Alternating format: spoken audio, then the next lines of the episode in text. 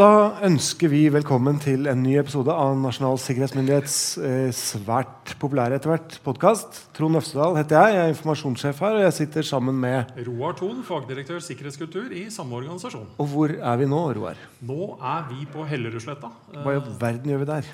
Der er det Normkonferanse 2018. Ok, og det vil si, Hvem er det som er på den? Hvem som er på det? Det er mennesker som jobber med sikkerhet i helse- og omsorgssektoren. Ok, Eh, og normen er eh, på mange måter eh, retningslinjer, kjøreregler for hvordan man skal jobbe med sikkerhet og sikkerhetstiltak innenfor den samme sektoren. ja, Det høres ut som en, et digert dokument av Ja, et eller annet slag. Det er det jo, egentlig. Ja. Eh, men veldig mange gode tips og råd å ta med seg som er viktig for å sikre helsevesenet mot eh, alt som kan skje. Ja. Så de som hører på dette, foruten de som hører på podkasten, det er altså ansatte i Helse-Norge på konferanse. Ja, så Som vi driver med sikkerhet. Så vi sitter nå på scenen og ser ut mot uh, flere hundre mennesker. Mm. Så hvis jeg spør dere nå Er det noe lyd i dere, da? Ja! Ah, så bra! Wow. Selv på dag to så er det altså det. Uh, For dette er på slutten av konferansen. Uh, Jeg har vært og snakka hos dere før. Og når jeg er ute og snakker, så har jeg en sånn liten test. Og den tenkte jeg skulle ta på dere òg. Denne blir jo både litt visuell, så vi får gjøre, forsøkt å gjøre det litt verbalt også. Men jeg pleier veldig ofte å stille spørsmål i salen. Hvor mange av dere er det som jobber med informasjonssikkerhet? Og hvis dere har hørt meg før nå, så veit dere hva svaret er. ikke sant? Opp med hendene av de som gjør det. Og nå har vi, Dette er noe av det beste resultatet jeg har sett. Og det skulle nesten bare mangle. Wow. Vi er her på konferanse med sikkerhetsfolk, og hvis ikke dere forstår at dere driver med sikkerhet i det daglige, da hadde vi slitt litt. Dette budskapet er oppfattet. Men grunnen til at vi spør, stiller det spørsmålet, da, det er at vi fortsatt ser at ute i virksomheter så har man altså fortsatt en kultur hvor, hvor sikkerhet er liksom det som dere skal fikse. Da. Ingen andre. Uh, så verken liksom leger, sykepleiere eller for den saks skyld andre, helt andre fagtitler skal liksom ikke bry seg med dette. Og det blir så feil. Det var feil for 30 30 år siden, som jeg pleier å si, og det er feil i dag også. Og vi skal snakke litt om hvorfor eh, man kanskje, i hvert fall, hvordan man kan forbedre litt av den mentaliteten når man egentlig er ute og selger sikkerhet, som dere kanskje i veldig stor grad eh, gjør og representerer.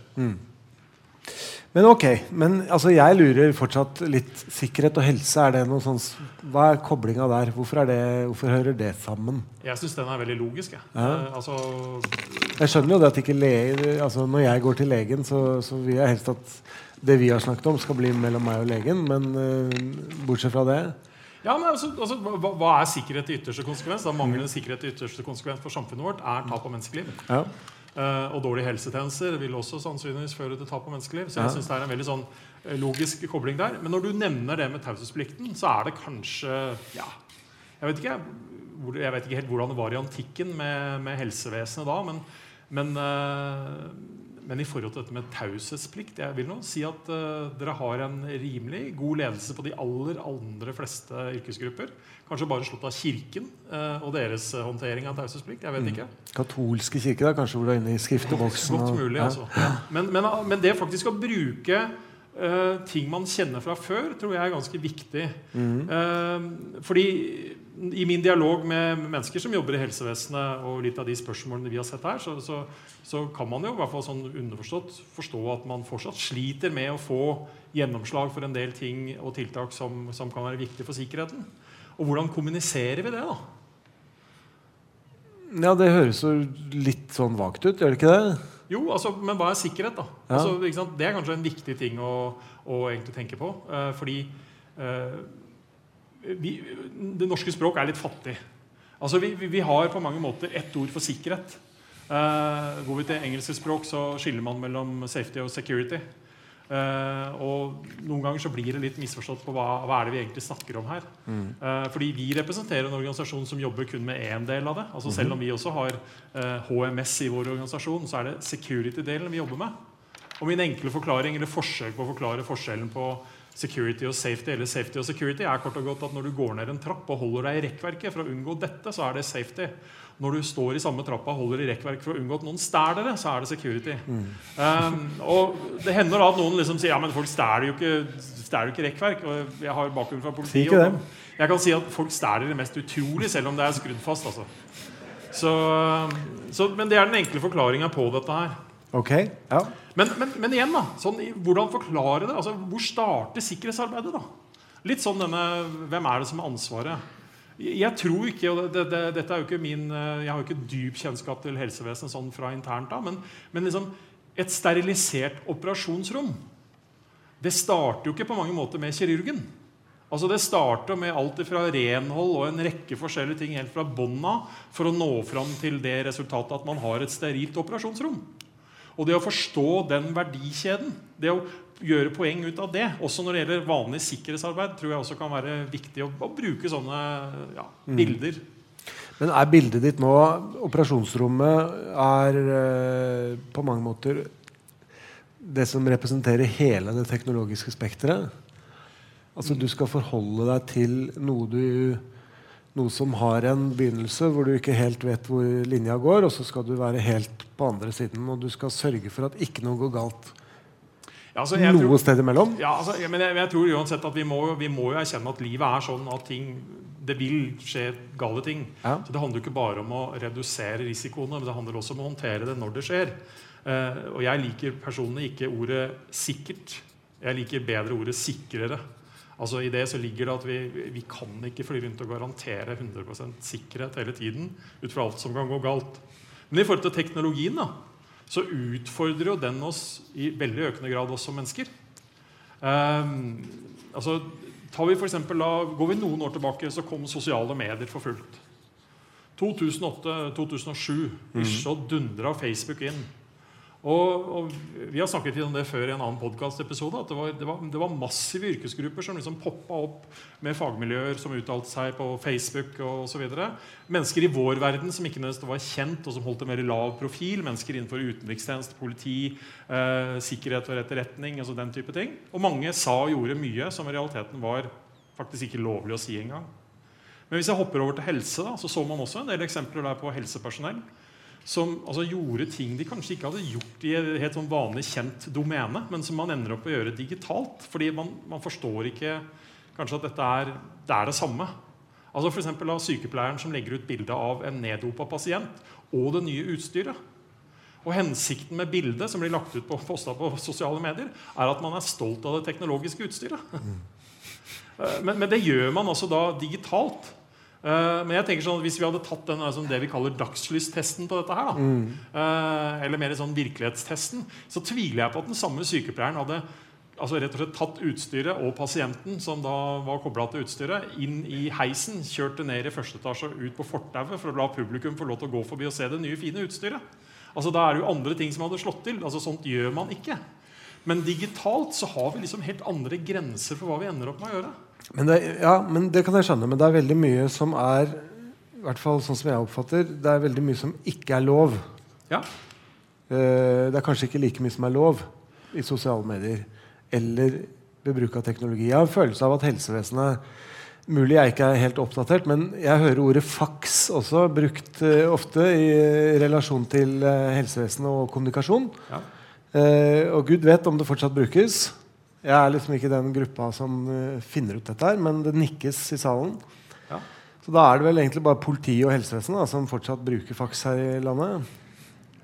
Ja, men altså, satt på spissen, Det kan jo i verste fall være en trygghet i seg sjøl, det også. Selv om, ja. da, selv om da Sårbarhetsreduserende tiltak. Spranget, spranget fra faks til um, helt ytterst moderne teknologi, den er, den er ganske stor. Ja. Og den øker jo på mange måter, den bidrar jo fortsatt med at vi har med oss sårbarheten knyttet til faks osv. Men um, det vi vel bør snakke om, det er om sikkerhet prioriteres i helsevesenet. Ja. Og det mener vel ja, Alle som har greie på det? Ja. ja. Um, min opplevelse altså Det er kanskje E-helsedirektoratet og andre som er best å svare på det. Men, men eh, Det høres ut som det prioriteres når vi har et eget e-helsedirektorat. Ja, blant annet. Ja. Uh, og det er en konferanse som det her, som mm. uh, har vært i mange mange år, mm. og har økende antall mennesker som dukker opp og er interessert i dette. Da lukter vi lunta. Min opplevelse er at dette er uh, helt klart noe som prioriteres. Ja. Og så kan det godt hende at det sitter mange, mange mennesker i salen her nå som fortsatt ser utrolig mange forbedringspunkter, og som kan være frustrert over at man ikke får gjennomslag for, for det, det og det.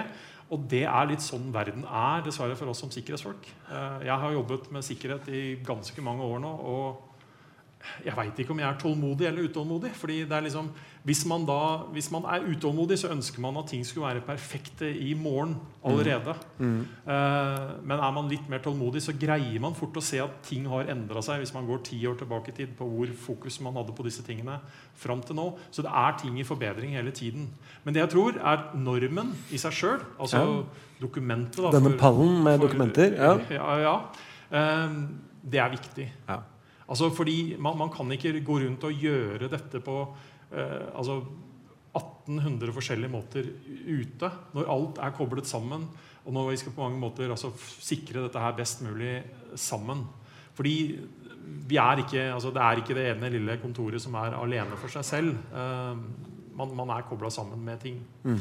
Men det er klart at man har jo også, altså, her på konferansen så har man jo snakket om enkelte alvorlige hendelser. Eh, Bl.a. Eh, datainnbruddet og Helse Sør-Øst-saken. -hmm. Som vi sånn sett eh, ikke kommenterer så mye, fordi PST annet har fortsatt da Ja. Alle, går og, alle går og venter på resultatet. alle går og venter på resultatet. Ja. Men det er klart at hendelsen i seg sjøl er, er jo ikke ønskelig.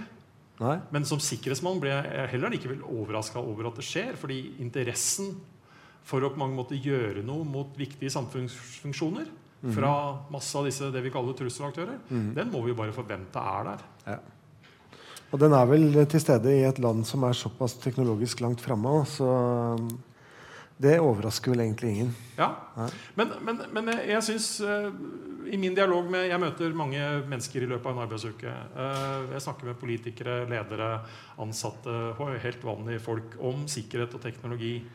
Og det jeg liksom ikke slutter å forundre meg over, da, det er at vi, vi som mennesker fortsatt blir forundra over at det eksisterer eh, på mange måter eh, ting der ute i den store verden som ikke nødvendigvis vil oss godt. Altså rett og slett Som har sine mål, som ikke nødvendigvis er samsvaret med våre mål. Kall det onde krefter. Og nummer to, at vi også fortsatt, selv om vi nå er nådd 2018, blir overraska over at teknologien eh, gjør det mulig å gjøre negative ting. Altså, det blir litt sånn at Vi går nærmest litt sånn til å tro at det jeg kan gjøre med min mobiltelefon, er det ingen andre som kan. Forstå heller at det du kan gjøre, kan også andre gjøre mot deg. Fordi teknologien i seg sjøl er rimelig objektiv. altså Den forholder seg ikke til godt og vondt på, på, på, på en sånn litt forenkla måte. Og vi må forstå at hvis jeg kan hvis jeg kan eh, sende penger fra min konto digitalt fra min konto A til din konto B, Trond, Mm. eh, og det er noe jeg vil, så ligger det også i det perspektivet at noen andre kan sende, ta, sende penger fra min konto B eller A til sin konto C, Mm. som ikke nødvendigvis jeg vil. Mm. Og så er det ikke nødvendigvis lett å få til det og gjøre det, stjele pengene mine, for det er jo det jeg egentlig sier nå. Mm. Men mulighetene eksisterer gjennom at vi allerede har lagt opp til at sånn fungerer det. Og når noen kan eh, altså rett og slett eh, lese digitalt eh, helseinformasjon osv., så, videre, så ligger det iboende den muligheten at noen andre også kan lese den samme informasjonen. Og det, men det, det, det er jo liksom bare grunnprinsippet vi må forstå. Og så gjør vi en masse ting for å sikre at det ikke skjer. Men vi må i hvert fall ikke bli overraska over at det er mulig. Eh, vi må komme litt, sånn litt videre vekk fra det. i hvert fall. Men øh, hva, vi er litt opptatt også av hva skjer dersom sikkerheten svikter. Og i helsesektoren Ja, så har du en litt annen situasjon enn bare det at noen rapper penga dine. ja. Eh, for konsekvensene, de, til forskjell fra mange andre sektorer, så kan de bli veldig store. Ja, altså, Det er vel ikke noe klarere å si enn at folk kan dø, rett og slett. Idet altså, ting svikter på dette området her. Og det er vel her vi kanskje som samfunn har de klareste beregningene på hvor lang tid eller kort tid det kan ta før vi begynner å se konsekvenser i tap av menneskeliv dersom disse systemene som, som vi er avhengig av, svikter oss. Mm. Eh, men, men så er da spørsmålet da, skal vi liksom styres av, den, altså av de konsekvensene. De, de eksisterer jo i, i mange former. Eh, og her er det en sånn liten kjepphest fra meg. Eh, og det er mulig at kanskje noen har hørt meg si det før, men, men vi må ta inn over oss. Og jeg hørte, jeg så, fulgte på streaming av dag én og hørte direktøren i E-helsedirektoratet snakke om, om bl.a. dette her med tillit. Hvor viktig tillit faktisk er i befolkningen, i, hos kunder, altså kall, kall det hva du vil, for at dette rett og slett bare skal fungere. Fordi innsatsen her den er ekstremt høy altså i denne sektoren. Menneskeliv. Eh, kanskje andre ting andre steder. Eh, andre verdier er også. Men altså, jeg vet ikke om dere har tenkt på det på den måten. Men eh, under stortingsvalget vårt i fjor eh, Ja, hva var det? Eh, to, en uke før valget. 14 dager. 14 dager før stortingsvalget i fjor så hasteskrev man en forskrift i Kommunal- og moderniseringsdepartementet som sa at alle stemmesedlene våre skulle telles opp manuelt. Og Årsaken til at man skrev den forskriften, var at gjennom media var sådd en tvil, altså skapt mistillit til at den digitale løsningen som lå ute hos kommunene, som skulle brukes til å skanne stemmesedlene våre, ikke var til å stole på. Hvorvidt den tvilen var reell eller ikke, spilte sånn sett ikke noen rolle. Man endte opp med å ikke ta sjanse på å få et valgresultat som man ikke kunne stole på. Og Så tok vi i realiteten to skritt tilbake, og så gjorde vi det på gamlemåten. Og så var det faktisk fortsatt mulig å gjøre det på gamlemåten fordi stemmesedlene våre er analoge fysiske objekter. Uh, vi hadde ikke glemt hvordan vi skulle telle dem. Uh, beslutningen har jeg hørt jeg har en kostnad på ca. 25 millioner kroner. Kosta det oss i liksom, ekstrautgifter å gjøre det på den måten? Mm. men det som er poenget mitt, da, det er at det vi nå gjør ved å ta i bruk all den fantastiske teknologien som kan bidra til så utrolig mye positivt, så passerer vi til syvende og sist også et punkt som er liksom the point of no return. Hvor du ikke lenger kan på mange måter altså, ta de to skrittene tilbake og forvente å få de samme resultatene. Fordi vi enten har glemt å gjøre det på gamlemåten, eller vi har ikke lenger liksom, de andre løsningene på plass som gjør at vi kan gjøre dette her. Da skal vi være veldig trygge og sikre på at de løsningene vi faktisk da tar fram, er nettopp da trygge, sikre og stabile. Og at de fungerer når vi trenger dem. Hos dere i denne sektoren her i helsevesenet så er det ikke noe tvil om at vi trenger dette her 24-7. Så, ja. ja. og så har vi også snakket om informasjonssikkerhet som forutsetning for uh, digitalisering. Ja, altså I det så ligger det rett og slett at dette er, for å, for å, kunne nettopp få til det jeg sa nå, så er sikkerhet rett og slett en betydelig viktig grunnmur for å kunne skape forutsetning for å, for å få den effekten og ta i bruk denne fantastiske nye teknologien. Mm. Men, men, men, og det gleda meg også når jeg, når jeg hørte innledningen. fordi, og det har jeg også skjønt at flere andre har stressa i løpet av de to dagene her og det er et budskap vi har forsøkt å, å, fronte litt de siste årene. Og det er at informasjonssikkerhet, altså beskyttelsen av informasjon eller andre verdier, den består i realiteten av tre ting. Og da har dere sannsynligvis det kjedsommelige hørt dette her disse to dagene. Så får jeg si det allikevel, for vi spiller jo inn denne podkasten. Mm. Men det er snakk om konfidensialitet, integritet og tilgjengelighet. Dette er tre like verdier Altså tre ønsker. De kan være situasjonsavhengig hva som kan være oppfattet som viktig avhengig av den situasjonen. Men vi må ikke glemme at det er tre. Fordi vi er så ekstremt opptatt, opplever vi, av hvor skummelt det er dersom noen kommer inn og får se ting de ikke burde få se. Altså konfidensialitet. da. Mm. Så når du ligger eh, der på operasjonsbordet ja. Da er ikke du så bekymra for det? Nei, og jeg har brukt meg selv som et eksempel på det. Ja. Ehm, jeg har, eh, når jeg holder foredrag, så viser jeg et bilde av hånda mi som er kobla på forskjellige ting. Eh, og forteller ikke i detalj, men at jeg har vært pasient på Ahus eh, på et tidspunkt. Og det er kritisk meg. Det står også om livet mitt i den situasjonen der. Og i det perspektivet som pasient da, hva er, hva er viktigst for meg altså når det gjelder da informasjonssikkerhet? Er det én at noen har brutt seg inn og lest pasientjournalen min? Altså konfidensialitetsperspektivet.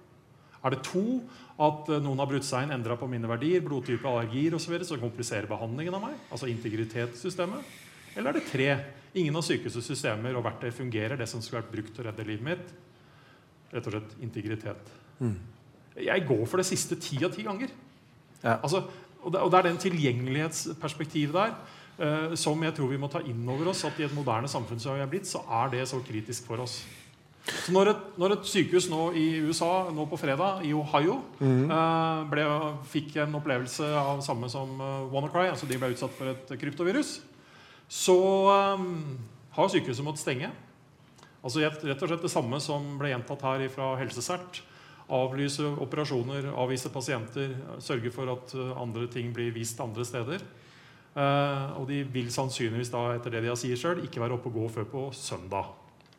Ja. Men i den samme presseuttalelsen så sier de også, kan de også berolige alle med at ingen har fått tilgang til de sensitive pasientjournalene. Eller for å si det på en litt annen måte med sikkerhetsord Nei, de pasientjournalene er så sikre, for de er kryptert, slik at sykehuset måtte stenge. Mm.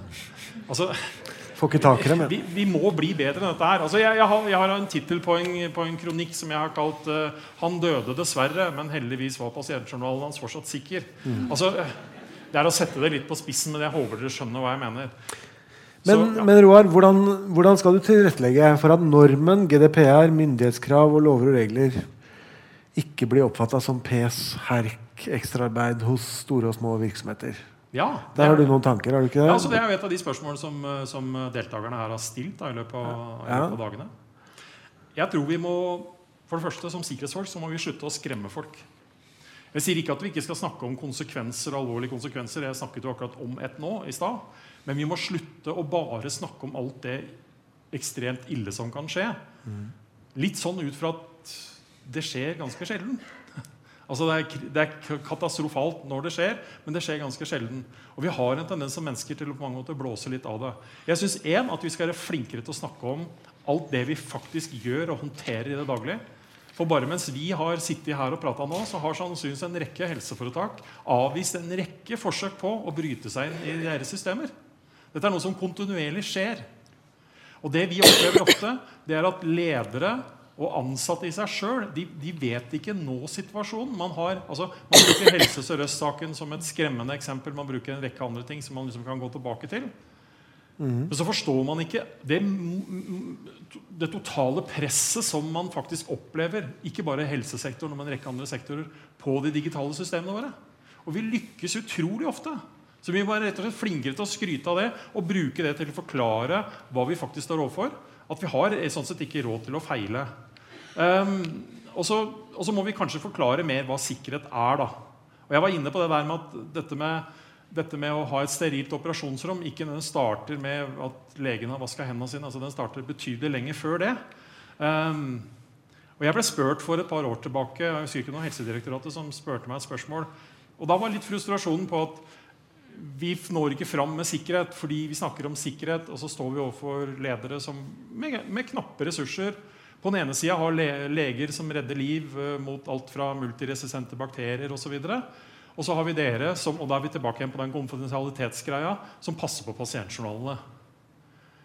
Og da blir det sånn, ok, Tåler vi tap av menneskeliv her, eller tåler vi et litt sånn dårlig oppslag i VG dersom vi feiler på den andre sida? Mitt argument var at vi argumenterer feil. Fordi vi faktisk må bli flinke til å argumentere med at det dere gjør, og det sikkerhet gjør i helsevesenet, er også å redde menneskeliv indirekte ut ifra at disse systemene er man så avhengig av. Så vi må være flinkere til mange måter å argumentere uten at vi, uten at vi skal minimalisere andres rolle i, i, i det store bildet. Da. Men Roar, det begynner å tikke mot uh, avslutningen her. Ja. Og vi skal ta med noen spørsmål fra salen. Ja. Og da skal jeg hoppe til ett med en gang. Og det er hvordan sikre seg mot at voldelig nærstående tvinger offeret til å la han eller hun lese journalen for å sjekke hva som er notert om vold? Det er et godt spørsmål. Altså, nå, og, og det, det, har jo utgangspunkt i at hvis man tar, Det er to helseforetak, vel, det er Helse Vest og Helse Nord, som nå har gjort det mulig bl.a. For, for sine pasienter, og, eller altså kunder, uh, å kunne lese sin egen journal via f.eks. mobiltelefon. Uh, utrolig positivt, syns jeg. Mm. Altså, Hvis jeg er på sykehus, så betyr det at jeg nærmest i real life kan se hva som er skrevet i journalen min, ha en dialog med legen min. Altså, Jeg, jeg synes det det er et sånn skritt videre i positiv retning for meg som pasient. Mm. Og så må vi faktisk ta inn over oss alle de som syns at dette er utrolig ubehagelig. Med tanke på at noen andre kan få tilgang til den. For vi kan altså ikke 100% garantere at den er sikker. ikke sant? Vi gjør mye. Vi skal sikre den. Kan ikke garantere alt allikevel. Vi må ha forståelse for de som faktisk er litt skeptiske til dette. Og for da ta fram et sånt argument som det her.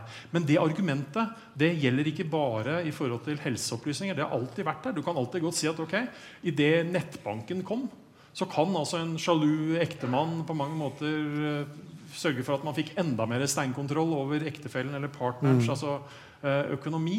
Så, og, det, og, og, igjen, det er ikke det at vi ikke skal uh, ta altså, hensyn til det og forstå det. Mm. Men å på mange måter finne virkemidler som, som, reduserer dette her, kan være veldig vanskelig. Men det store spørsmålet synes jeg er er det frykten vår for disse tingene som skal styre.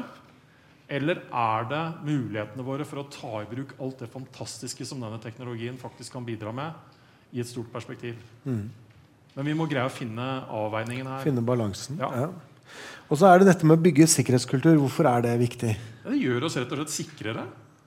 Uh, og forhåpentligvis gir oss en rettesnor med på mange måter hva som er hva er akseptabelt, hva er ikke akseptabelt, og hva påvirker altså sikkerheten vår her på arbeidsplassen vår. Og så, så, vet jeg at her på konferansen så har man også i forbindelse med at uh, nye personvernreglene, GDPR osv. Har, har kommet, så har man snakket mye om selvrapportering. Jeg vet Det har vært en del spørsmål rundt det.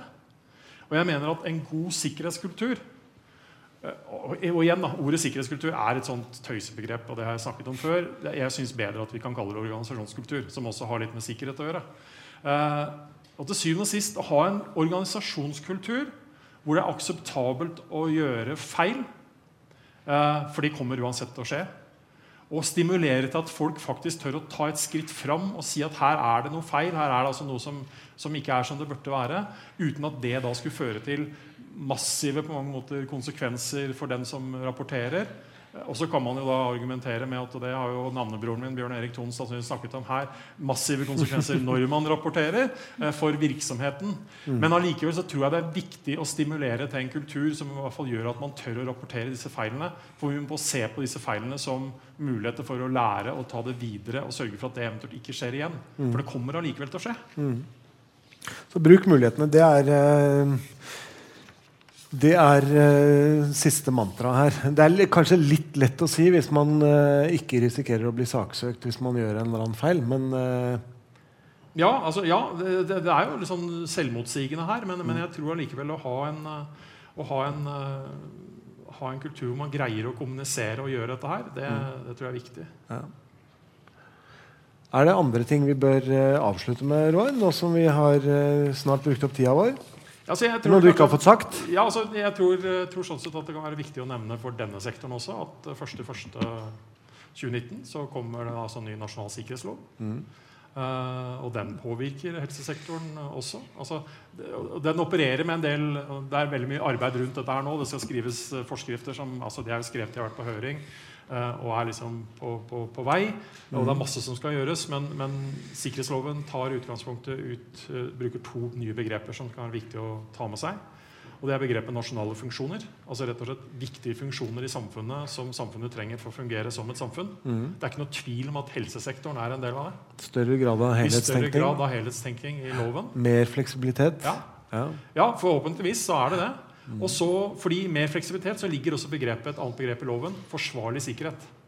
Og det er? Og hva er det? Ja, Det er et utrolig godt spørsmål. Ja. Eh, men der tror jeg faktisk, og dette er kanskje den perfekte avrunding på dette når vi sitter her vi gjør, det er å, å, å, å faktisk si at følger man normen, så tror jeg man er veldig veldig på godt vei til å nå et slags sånn eh, forsvarlig sikkerhet. Ja.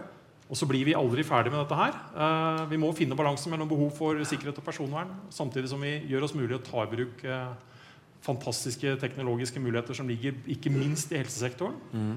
Så med dette så ønsker vi kanskje dere en uh, sikker dag videre og sikker reise hjem når dere skal hjem her fra konferansen. Ja, og da har vi brukt opp tida vår. Vi. Det har vi. Ja, Så da takker vi for oss. Takk for oss.